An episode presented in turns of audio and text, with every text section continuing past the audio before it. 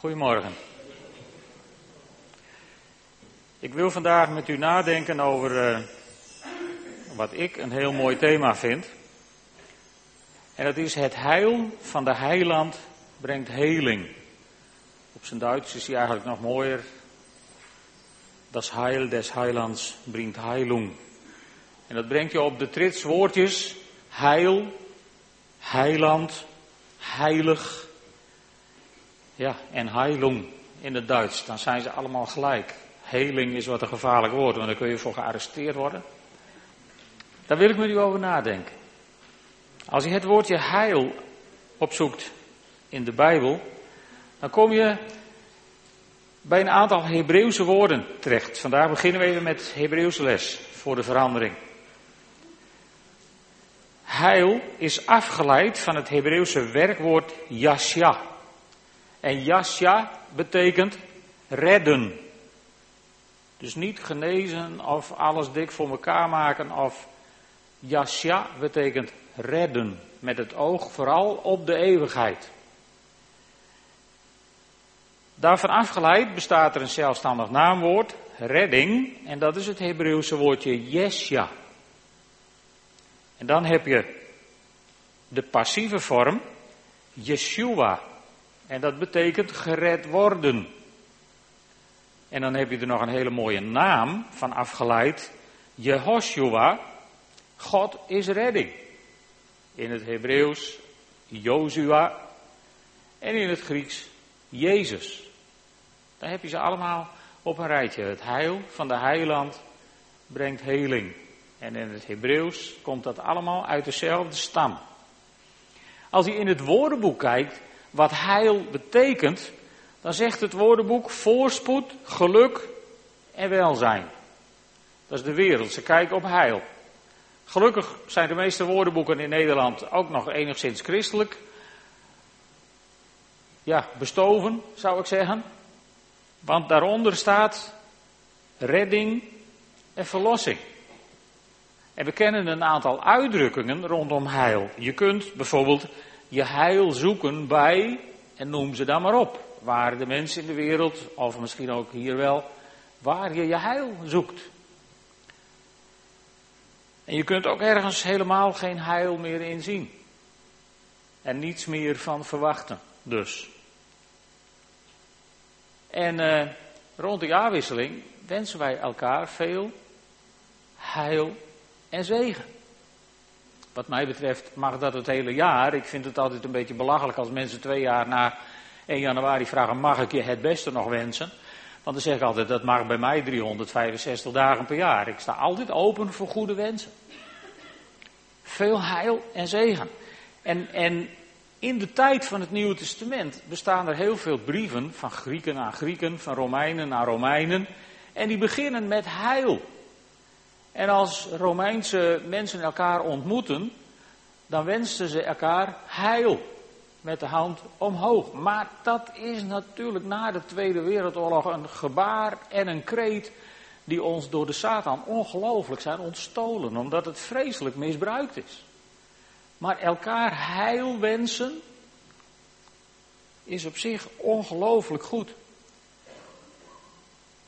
En wat zegt de Bijbel over heil? Ontzettend veel.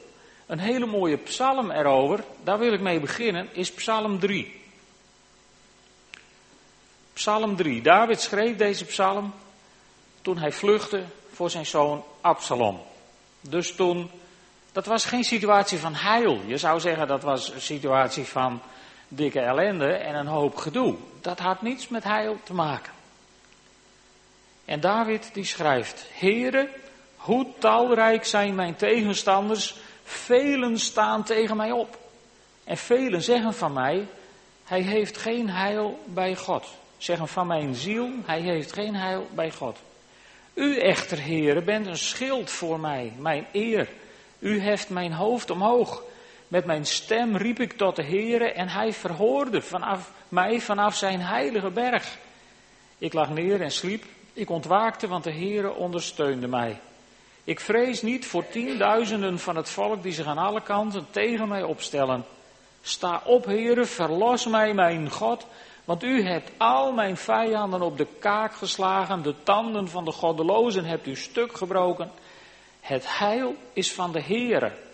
Uw zegen is over uw volk. En hier wordt bijvoorbeeld twee keer dat woordje Yeshua gebruikt. En die laatste zin, is dat niet een prachtige zin? Het heil is van de Heer. Het was vast geen toeval dat Klaas vanmorgen daarmee begon. En, en in heel veel kerken is het ook nog steeds de gewoonte om zo te beginnen. Onze hulp. Maar dat is afgeleid van, van een vers wat, wat heil is. Ons heil is van de Heer die hemel en aarde gemaakt heeft. Die trouw houdt tot in eeuwigheid. En die nooit laat varen wat zijn hand is begonnen. En dan heb je datzelfde woord weer. Een prachtig woord. En, en, en weet je, wat mensen ook zeggen over je heil. Mensen kunnen dus kennelijk over je zeggen, hij heeft geen heil bij God. Gelukkig gaan mensen daar niet over. En, en David, die zit hier in een situatie en die is bepaald niet rooskleurig.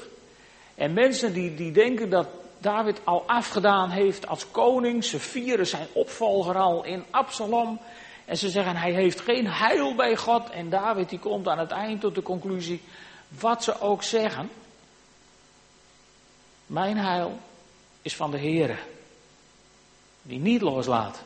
Wat hij één keer is begonnen. Wat mensen ook uitspreken over je heil. Jouw heil is maar op één plek te vinden. Bij de Heere. Van Hem verwachten we ons heil. Van onze heiland. Van God de Vader die ons zijn Zoon zond om onze heiland en onze redder te worden, zoals zijn naam Jehoshua ook zegt. God is redding. Weet je, je kunt je heil overal zoeken, maar maar bij één vinden die zei, ik ben de weg, de waarheid en het leven en niemand komt tot de Vader dan door mij. Dat was natuurlijk een gewaagde uitspraak in Johannes 14, vers 6. Maar, maar Jezus presenteert zich nergens in het evangelie als een leuk alternatief voor de vele wegen die tot God leiden. Jezus presenteert zich in zijn onderwijs nergens als de profeet of als een goede leraar of als een goed mens, een voorbeeld voor de schepping. Jezus presenteert zich als de enige weg tot de Vader. En C.S. Lewis heeft daar ongeveer het volgende van gezegd. Of Jezus was volledig gestoord, of hij was de Messias. Meer smaken zijn er niet. Je kunt niet een beetje in Jezus geloven als de Messias. Je gelooft dat hij jouw Messias en jouw redder en jouw verlosser en jouw zaligmaker is, of je gelooft het niet. En we moeten in de kerk ophouden met dat geneuzel dat er naast Jezus misschien andere mogelijkheden zijn. We moeten er diep van doordrongen zijn dat er één weg is tot de Vader. En die weg heet Jezus Christus en dien gekruisigd. En meer smaken zijn er niet.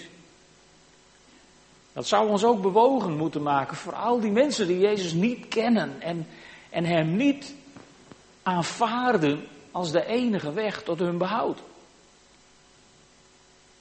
Maar alleen het heil van de heiland maakt heel. Alleen daarvoor moet je dan je heil wel bij de heiland zoeken en niet ergens anders. De NBV-vertaling laat dat heel mooi zien in, in een oud-testamentisch verhaal in 2 Kronieken 14. 2 Kronieken 14, het verhaal van koning Asa. Koning Asa die volgt zijn vader op, 2 Kronieken 14, vers 1. En tijdens de regering van Asa heerste er tien jaar vrede in het land. Asa deed wat goed en juist is in de ogen van de Heer zijn God. Hij verwijderde de uitheemse altaren en offerplaatsen, verbrijzelde de gewijde stenen en hakte de Asherah-palen om. Hij hij hield de Judeërs voor dat ze hun heil moesten zoeken bij de Heer, de God van hun voorouders, en zijn wetten en bepalingen moesten naleven. Uit alle steden van Juda liet hij de offerplaatsen en de wierookaltaren verwijderen. Onder zijn bewind heerste er rust en vrede in het koninkrijk En doordat er vrede heerste in het land en in die tijd geen oorlog tegen hem gevoerd werd, was Asa in staat in Juda vestingsteden te bouwen. De Heere had hem immers rust verschaft. Asa zei tegen de Judeërs, laten we vestingsteden bouwen, omringd door muren met torens en vergrendelbare poorten. Nu behoort het land nog aan ons, want omdat wij ons heil hebben gezocht bij de Heere, heeft Hij ons rust verschaft aan onze grenzen. Voor de Bijbelforsen zonder u wel eens waar wordt hier voor dat woord heil het woordje shalom gebruikt. Maar shalom en yasha zijn, zijn bijna synoniemen van elkaar. Het ligt heel dicht bij elkaar. En omdat we ons heil gezocht hebben bij de Heer, heeft Hij ons rust verschaft aan onze grenzen. Hoe is het eigenlijk aan uw grenzen in uw leven? Dan moet je even niet kijken over de grenzen van je leven, maar even je eigen leven. Hoe is het aan de grenzen van jouw leven? Is daar rust? Ik bedoel niet of het daar allemaal voor de wind gaat. Hè? Ik bedoel niet of het daar allemaal uh, roze geur en maneschijn is. Ik bedoel, is er rust aan de grenzen van je leven? En hoe gaat het bijvoorbeeld in uw leven als u ziek wordt? Dit is één voorbeeldje. Zoekt u eerst uw heil bij God voordat u uw eerste paracetamolletje slikt? Of gaat u uw heil zoeken bij God nadat de laatste medisch specialist u heeft opgegeven? Of ergens daartussenin? Nog anders geformuleerd is God uw eerste toevlucht of uw laatste reddingsmiddel? Welke positie heeft Hij in uw leven? Kent u die Jezus Kent u die Jezus die onze heiland is als uw persoonlijke verlosser en zaligmaker? Echt, heb je je leven aan Hem gegeven en volledig voor Hem apart gezet? Heb je het lef gehad in je leven om dat te onderstrepen door ja te zeggen tegen Jezus? In de doop of misschien wel in beleidenis die je ooit gedaan hebt, heb je het lef gehad om een streep te zetten onder jouw toewijding aan Jezus Christus. Want dat is namelijk wat het woord heilig betekent. Hè? Je toegewijd hebben aan of je apart gezet hebben voor. Dat is wat heilig betekent. Wij denken vaak dat heilig betekent dat je helemaal volmaakt bent en dat het helemaal klaar is. Maar, maar als je in de brieven van Paulus leest en ziet welke mensen hij aanspreekt met heiligen. En wat hij vervolgens aan lijstjes heeft voor die heiligen, wat er in hun leven allemaal nog moet veranderen. Dan zijn dat geen volmaakte mensen. De mensen die Paulus aanspreekt met heiligen, dat zijn de mensen die hun leven hebben toegewijd aan Jezus Christus. En voor hem hebben apart gezet met al hun gebreken en met al hun fouten en met al hun problemen. Ze zijn Zoals je op een website site zou zetten, under construction. En, en andere christenen zijn er niet. Ken je die Jezus zo? En als dat zo is, als je die Jezus zo kent, dan ben je eigenlijk al een heel mens. En dan is heelheid jouw deel. We zijn dus heel dankzij Hem. En we blijven ook heel dankzij Hem. Dat is geen eigen verdienste. Kijk maar, ik wil met jullie naar een Bijbelgedeelte, Efeze 6, vanaf vers 10. Heel bekend stukje. Een brief aan de Efeziërs, hoofdstuk 6. En ik begin bij vers 10. Het middelste stukje vanaf vers 13 tot 17, dat lichten we er vaak tussenuit. En dat noemen we dan het stukje over de geestelijke wapenrusting. En ik denk dat het niet terecht is om die versen eruit te lichten, maar om het iets breder te maken. Ik pak hem op bij vers 10, let op. Ten slotte, zoek uw kracht in de Heere. In de kracht van Zijn macht. Trek de wapenrusting van God aan om stand te kunnen houden tegen de listen van de duivel. Want onze strijd is niet gericht tegen mensen, maar tegen hemelse vorsten, heersers, machthebbers van de duisternis, tegen de kwade geesten in de hemelsferen. En daarom moet je hemelse wapens opnemen. Neem daarom de wapens van God op om weerstand te kunnen bieden op de dag van het kwaad, om goed voorbereid stand te kunnen houden. En hoe houd je stand? Houd stand met de waarheid als gordel om uw heupen, de gerechtigheid als harnas om uw borst, de inzet voor het evangelie van de vrede als sandalen voor aan uw voeten. En draag bovenal het geloof als schild waarmee u alle brandende pijlen van hem die het kwaad zelf is kunt doven. Draag als helm de verlossing en als zwaard de geest, dat wil zeggen Gods woorden. En laat u bij het bidden leiden door de geest. Iedere keer dat u bidt. Blijf waakzaam en bid voortdurend voor alle heiligen. Dat hoort volgens mij bij elkaar.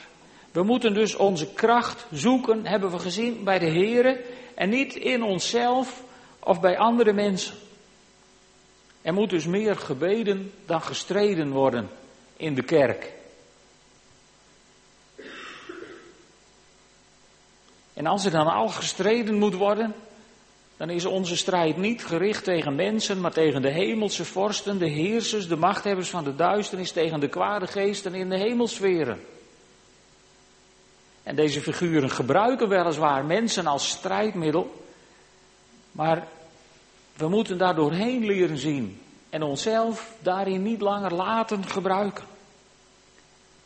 Want ten diepste is confrontatie zoeken een vorm van ongeloof. Weet u dat? Elke keer als ik zie dat iemand confrontatie zoekt en ik trek het even voor de duidelijkheid in de richting van het extremisme. Als een moslim-extremist met bommen meent om dat wat Allah wil tot stand te brengen, dan gelooft hij er dus geen hout van dat Allah dat zelf kan. Maar als een christen-extremist met dezelfde middelen ter strijde trekt om dat te doen wat hij denkt dat God wil, dan gelooft hij er ook geen hout van dat God dat zelf kan. En zelfs niet als een Joodse extremist met zijn pijpenkrullen en zijn mooie hoed op, met geweld meent dat te moeten doen wat Yahweh wil, dan gelooft hij er geen hout van dat Yahweh in staat is om zijn eigen boontjes te doppen. En ik wil u één ding zeggen, ik geloof in een God die uitstekend in staat is om zijn eigen boontjes te doppen. Mijn God is prima in staat om dat tot stand te brengen wat Hij wil dat er gaat gebeuren.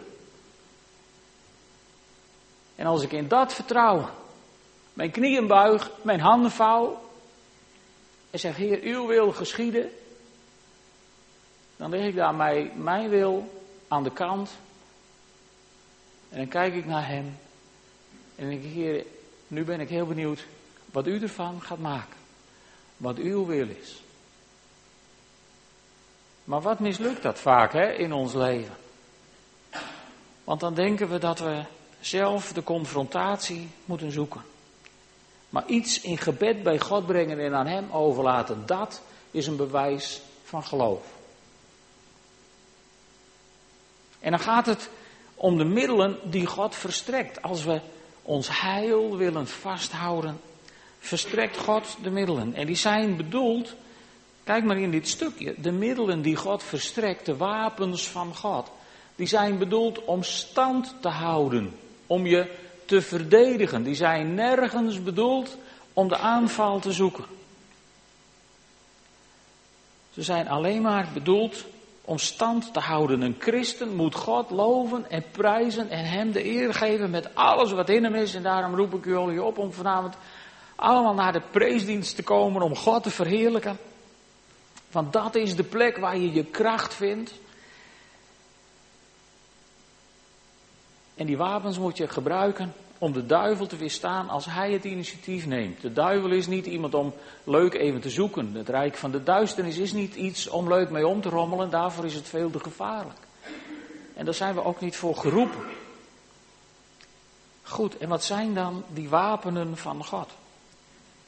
In vers 14 dan zegt Paulus, houd stand met de waarheid als gordel om uw heupen en de gerechtigheid als harnas om uw borst.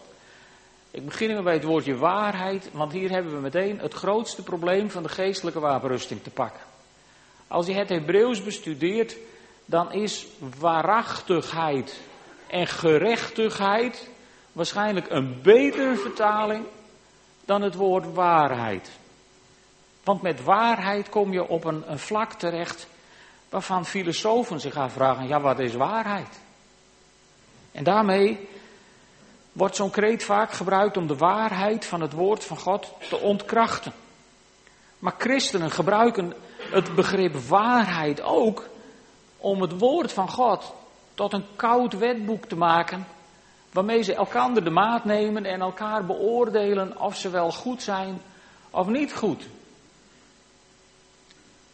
En uh, beide keren gebruik je de waarheid niet in waarachtigheid en gerechtigheid. Je kunt de waarheid ongelooflijk misbruiken, maar als je in waarachtigheid en in gerechtigheid met het woord van God leeft,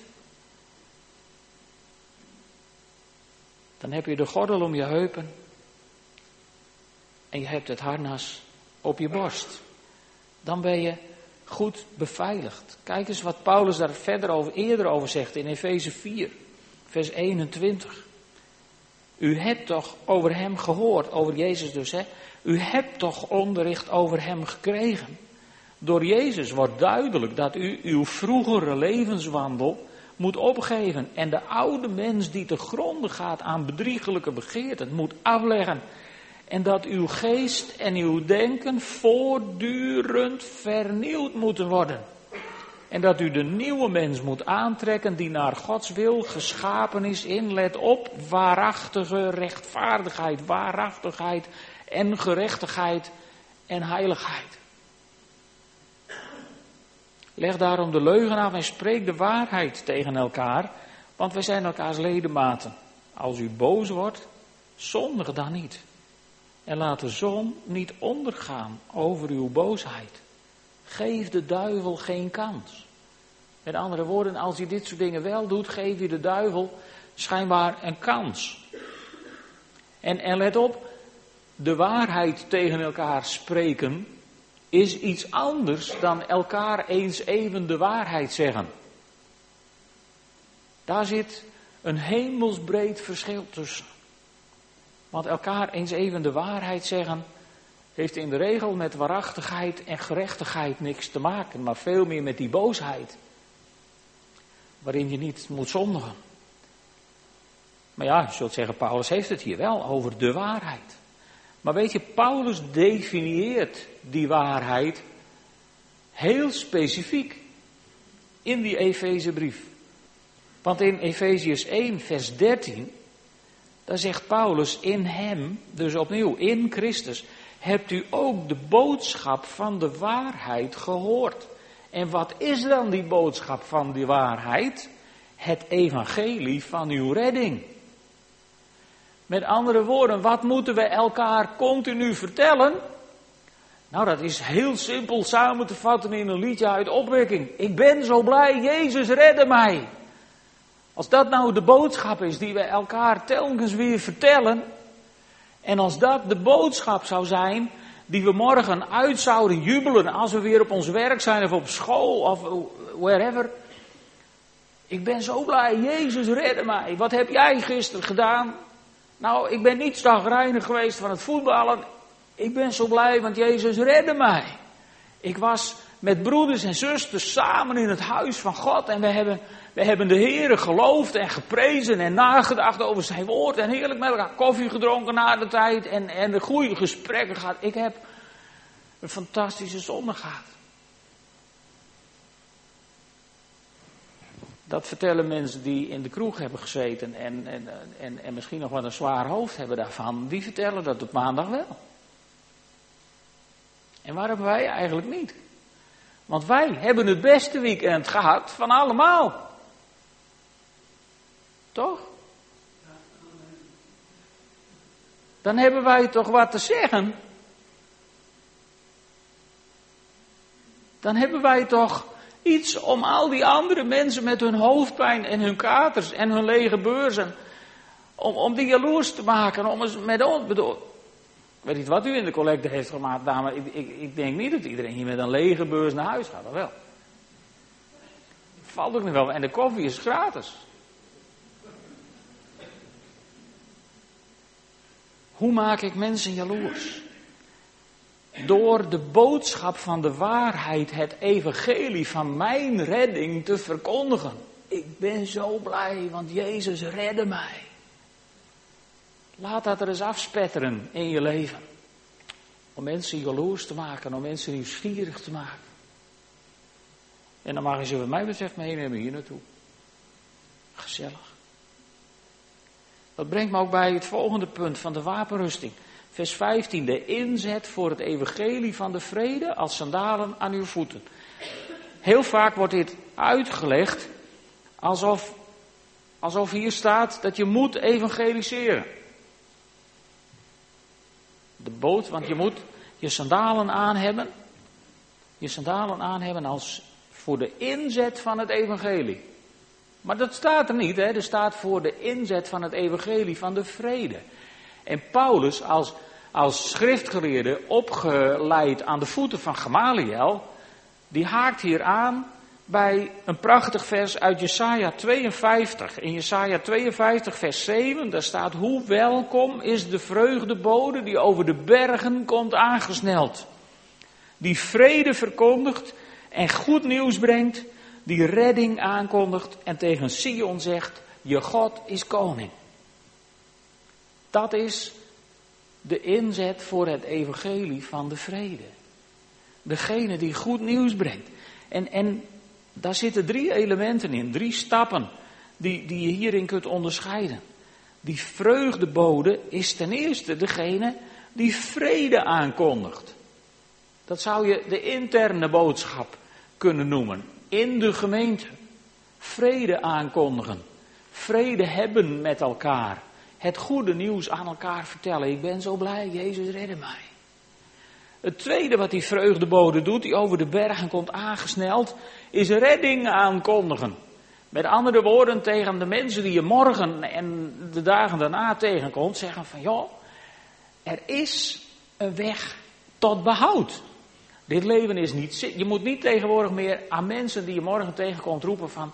Jullie zijn in grote nood. Want ik denk dat ze je allemaal stralend aankijken en denken: Nou, dat valt wel wat mee. Als je mensen gaat vragen naar de zin van dit leven. Ja, dan zijn ze misschien ook nog wel redelijk tevreden. Maar als je kunt vertellen dat jij hebt ontdekt dat er leven is na dit leven. En dat er een weg is om daar te komen. En die weg heet Jezus Christus. Dan moet jij eens opletten. Hoeveel mensen diep in hun hart eigenlijk daar wel naar op zoek zijn. Ik hoor het te veel in het crematorium van, van absoluut ongelovige mensen. Dat ze tegen elkaar zeggen tot ziens. En dat er van die praatjes worden gehouden over elkaar weer ontmoeten en dat soort dingen. Dus diep van binnen zit in die mensen iets. Want God laat nooit varen wat zijn hand is begonnen. En misschien is zijn hand in heel veel mensenlevens ooit wel eens iets begonnen of, of in een voorgeslacht ergens. De blijde boodschap brengen. Dus drie punten had ik. Hè? Vrede aankondigen, de interne boodschap. Redding aankondigen, de externe boodschap. En ten derde, de opdracht van de gemeente van Jezus Christus is Israël bemoedigen dat hun God de koning is en Jezus hun Messias. Ook dat mogen we niet vergeten. Want als we dat gaan doen, als zullen we het in de geestelijke wereld maar uitspreken en onze voorbeden voor het volk Israël maar telkens weer bij God beleiden, dan gaat daar op dat plekje op de aardbodem iets heel bijzonders gebeuren zodat onze Messias terug kan keren op de wolken. Drie delen. Voor degene die over de bergen komt aangesneld. En dat sluit ook aan bij het onderwijs en het gedrag van Jezus. Jezus zegt gelukkig de vredestichters, want zij zullen kinderen van God genoemd worden. Zie je hoe belangrijk de inzet is voor het evangelie van de vrede? En Jezus zegt over zichzelf in Matthäus 12, zo ging in vervulling wat gezegd is door de profeet Jesaja. Hier is de dienaar die ik mij gekozen heb, die ik lief heb en in wie ik vreugde vind. Ik zal hem vervullen met mijn geest. Aan alle volken zal hij het recht verkondigen. Let goed op. Hij zal geen woordenstrijd aangaan en op straat zijn stem niet verheffen. Het geknakte riet breekt hij niet af, nog dooft hij de kwijnende vlam, totdat het recht dankzij hem overwint. En op zijn naam zullen alle volken hun hoop vestigen. Hebt u uw hoop op hem gevestigd? En bent u bereid om te leven zoals Jezus? Het geknakte riet wat je tegenkomt, niet met de grond afmaaien. Je denkt van nou laten we dat maar opruimen. En de walmende vlaspit niet uitdoven, zo van dat stinkt te veel. Maar juist hoop, hoop verkondigen, het evangelie van de vrede. Dan blijven er nog een paar dingen over. Daar zal ik wat korter bij stilstaan. Het geloof moet je dragen als schild. Dat is eigenlijk vrij, ja, vrij duidelijk, volgens mij. Wat is geloof? Het geloof is het vertrouwen op God.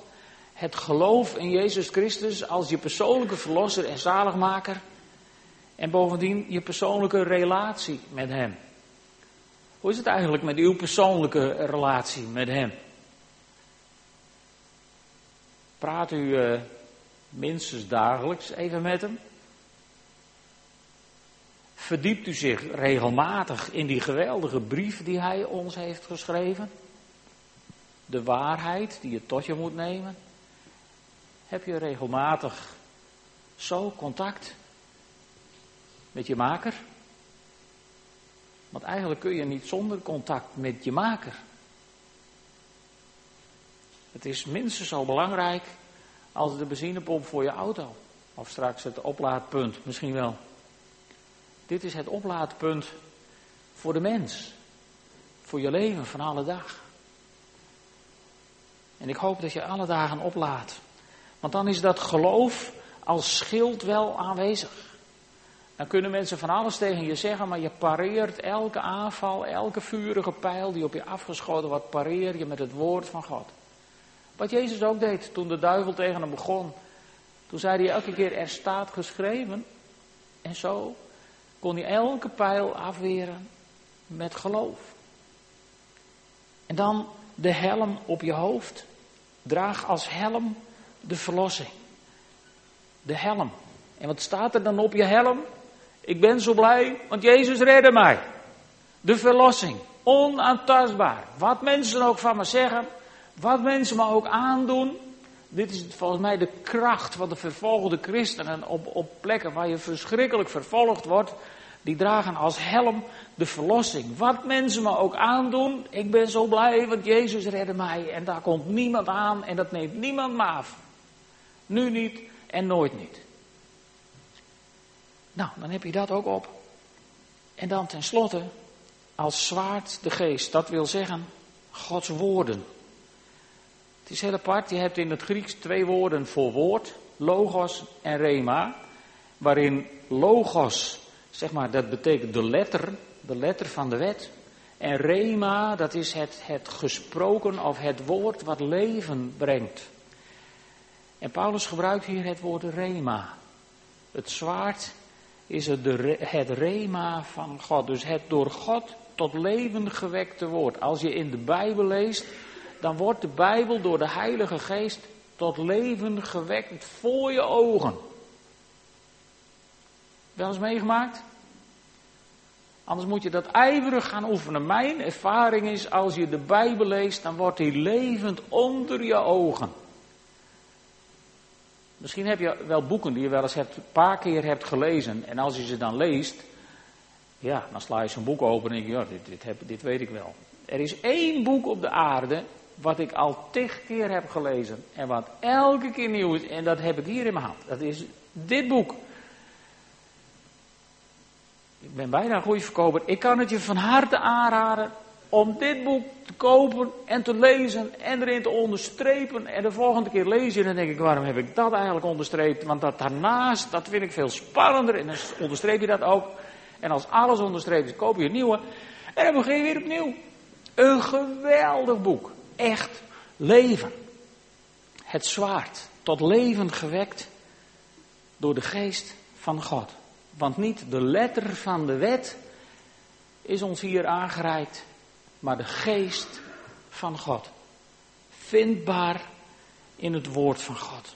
En weet je, dan ben je klaar om je te verdedigen. Dan kun je stand houden in elke situatie. En dan weet je één ding zeker.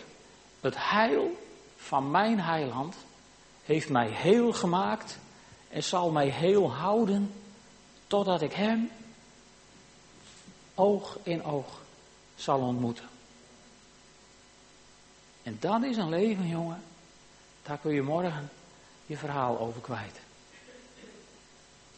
Want daarin zijn volgelingen van Jezus Christus absoluut uniek. Er is namelijk geen andere weg. Amen.